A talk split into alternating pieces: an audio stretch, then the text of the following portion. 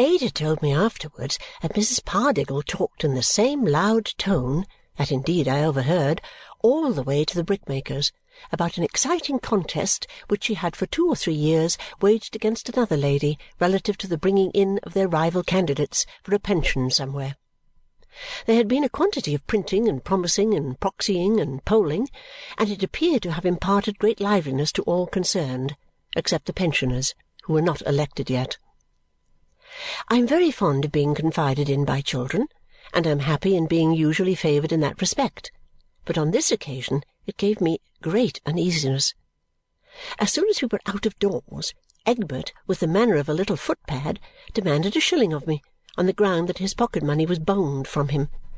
On my pointing out the great impropriety of the word, especially in connexion with his parent, for he added sulkily, "By her," he pinched me and said, "Oh, then now, who are you? You wouldn't like it, I think.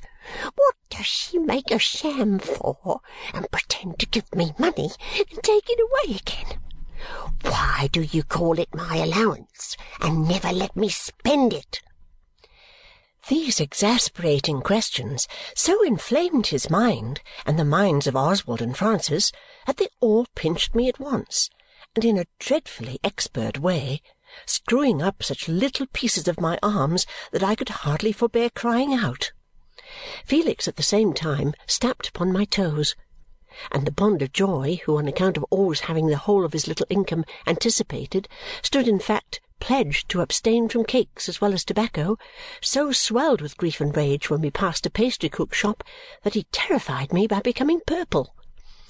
I never underwent so much, both in body and mind, in the course of a walk with young people as from these unnaturally constrained children when they paid me the compliment of being natural. I was glad when we came to the brickmaker's house, though it was one of a cluster of wretched hovels in a brick field, with pigsties close to the broken windows and miserable little gardens before the doors, growing nothing but stagnant pools. Here and there an old tub was put to catch the droppings of rain-water from a roof, or they were banked up with mud into a little pond like a large dirt pie. At the doors and windows some men and women lounged or prowled about and took little notice of us except to laugh to one another or to say something as we passed about gentlefolks minding their own business and not troubling their heads and muddying their shoes with coming to look after other people's.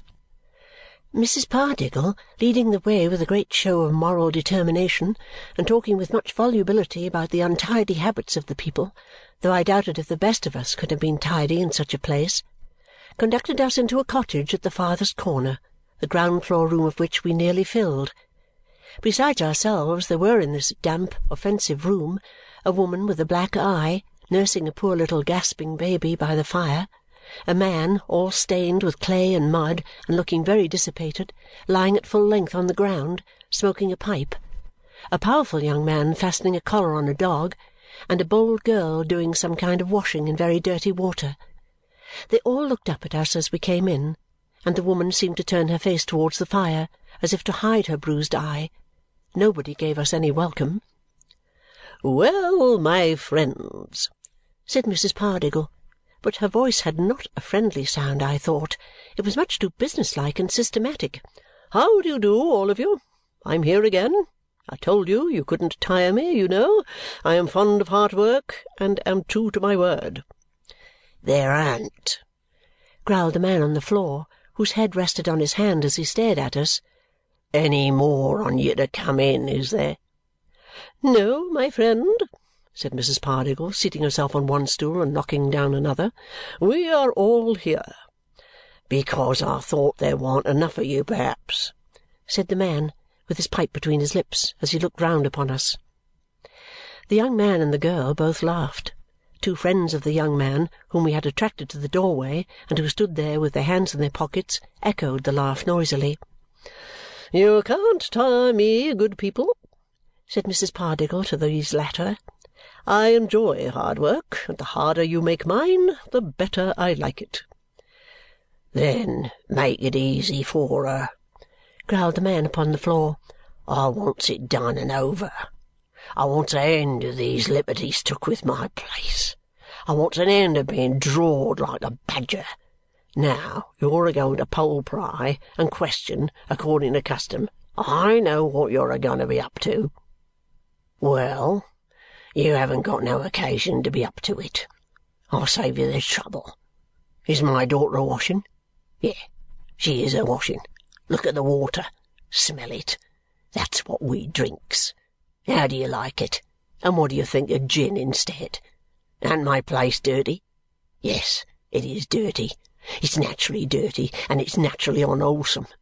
And we've had five dirty and unwholesome children, as is all dead infants, and so much the better for them, and for us besides. Have I read the little book what you left? No, I ain't read the little book what you left. There ain't nobody here as knows how to read it, and if there was, it wouldn't be suitable to me. It's a book fit for a babby, and I'm not a babby. If you was to leave me a doll, I shouldn't nuss it. How have I been conducting of myself? Why, I've been drunk for three days, and I'd have been drunk four if I'd had the money. Don't I never mean for to go to church? No, I don't never mean for to go to church. I shouldn't be expected there if I did. The beadle's too genteel for me. And how did my wife get that black eye? Why, I give it her. And if she says I didn't, she's a lie. He had pulled his pipe out of his mouth to say all this, and he now turned over on his other side and smoked again. Mrs. Pardiggle, who had been regarding him through her spectacles with a forcible composure, calculated, I could not help thinking, to increase his antagonism, pulled out a good book as if it were a constable's staff and took the whole family into custody. I, mean into religious custody, of course, but she really did it as if she were an inexorable moral policeman carrying them all off to a station-house. Ada and I were very uncomfortable. We both felt intrusive and out of place, and we both thought that Mrs. Pardiggle would have got on infinitely better if she had not had such a mechanical way of taking possession of people. The children sulked and stared. The family took no notice of us whatever, except when the young man made the dog bark, which he usually did when Mrs. Pardiggle was most emphatic. We both felt painfully sensible that between us and these people there was an iron barrier which could not be removed by our new friend. By whom or how it could be removed, we did not know, but we knew that. Even what she read and said seemed to us to be ill chosen for such auditors, if it had been imparted ever so modestly and with ever so much tact. As to the little book to which the man on the floor had referred, we acquired a knowledge of it afterwards, and Mr. Jarndyce said he doubted if Robinson Crusoe could have read it, though he had had no other on his desolate island. We were very much relieved under these circumstances when Mrs. Pardiggle left off.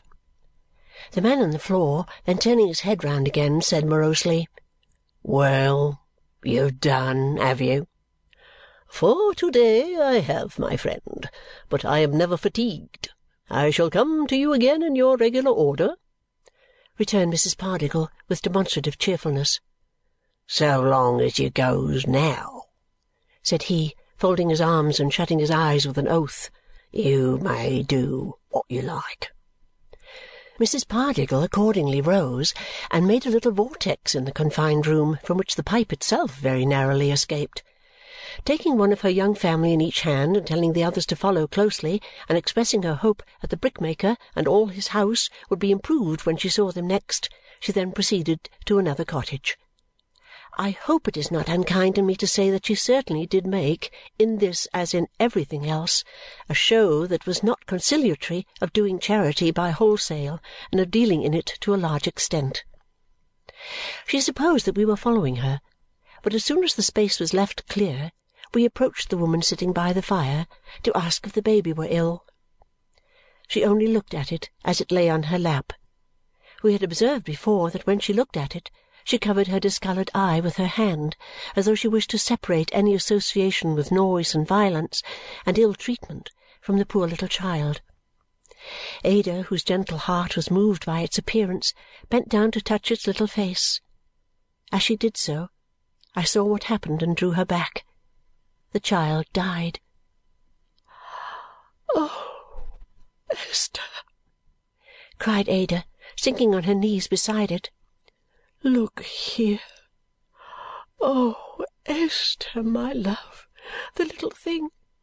the suffering, quiet, pretty little thing. I'm so sorry for it. I'm so sorry for the mother. I never saw a sight so pitiful as this before. Oh, baby, baby! Such compassion, such gentleness as that with which she bent down weeping and put her hand upon the mother's, might have softened any mother's heart that ever beat. The woman at first gazed at her in astonishment and then burst into tears. Presently I took the light burden from her lap, did what I could to make the baby's rest the prettier and gentler, laid it on a shelf, and covered it with my own handkerchief. We tried to comfort the mother, and we whispered to her what our Saviour said of children. She answered nothing, but sat weeping, weeping very much. When I turned, I found that the young man had taken out the dog and was standing at the door looking in upon us with dry eyes, but quiet. The girl was quiet too, and sat in a corner looking on the ground. The man had risen. He still smoked his pipe with an air of defiance, but he was silent. An ugly woman, very poorly clothed, hurried in while I was glancing at them, and coming straight up to the mother, said, "Jenny, Jenny!" The mother rose on being so addressed and fell upon the woman's neck. She also had upon her face and arms the marks of ill usage. She had no kind of grace about her but the grace of sympathy. But when she condoled with the woman and her own tears fell, she wanted no beauty. I say condoled, but her only words were, "Jenny, Jenny!" All the rest was in the tone in which she said them. I thought it very touching to see these two women, coarse and shabby and beaten, so united, to see what they could be to one another, to see how they felt for one another, how the heart of each to each was softened by the hard trials of their lives. I think the best side of such people is almost hidden from us. What the poor are to the poor is little known, excepting to themselves and God. We felt it better to withdraw and leave them uninterrupted. We stole out quietly and without notice from any one except the man. He was leaning against the wall near the door, and finding that there was scarcely room for us to pass, went out before us. He seemed to want to hide that he did this on our account, but we perceived that he did, and thanked him. He made no answer. Ada was so full of grief all the way home, and Richard, whom we found at home, was so distressed to see her in tears, though he said to me when she was not present how beautiful it was too, that we arranged to return at night with some little comforts and repeat our visit at the brickmaker's house. We said as little as we could to Mr. Jarndyce, but the wind changed directly. Richard accompanied us at night to the scene of our morning expedition. On our way there we had to pass a noisy drinking-house where a number of men were flocking about the door. Among them, and prominent in some dispute, was the father of the little child. At a short distance we passed the young man and the dog in congenial company. The sister was standing laughing and talking with some other young women at the corner of the row of cottages, but she seemed ashamed and turned away as we went by. We left our escort within sight of the brickmaker's dwelling and proceeded by ourselves. When we came to the door, we found the woman who had brought such consolation with her standing there looking anxiously out. "Is it you, young ladies, is it?" she said in a whisper. "I'm a watching for my master. My heart's in my mouth. If he was to catch me away from home, he'd pretty near murder me." "Do you mean your husband?" said I. "Yes, miss. My master. Jenny's asleep, quite worn out. She scarcely had the child off her lap, poor thing these seven days and nights, except when I've been able to take it for a minute or two." As she gave way for us, she went softly in and put what we had brought near the miserable bed on which the mother slept. No effort had been made to clean the room. It seemed in its nature almost hopeless of being clean. But the small waxen form from which so much solemnity diffused itself had been composed afresh, and washed, and neatly dressed in some fragments of white linen, and on my handkerchief, which still covered the poor baby, a little bunch of sweet herbs had been laid by the same rough, scarred hands, so lightly, so tenderly. May heaven reward you, we said to her. You are a good woman. Me, young ladies? she returned with surprise. Hush, Jenny, Jenny.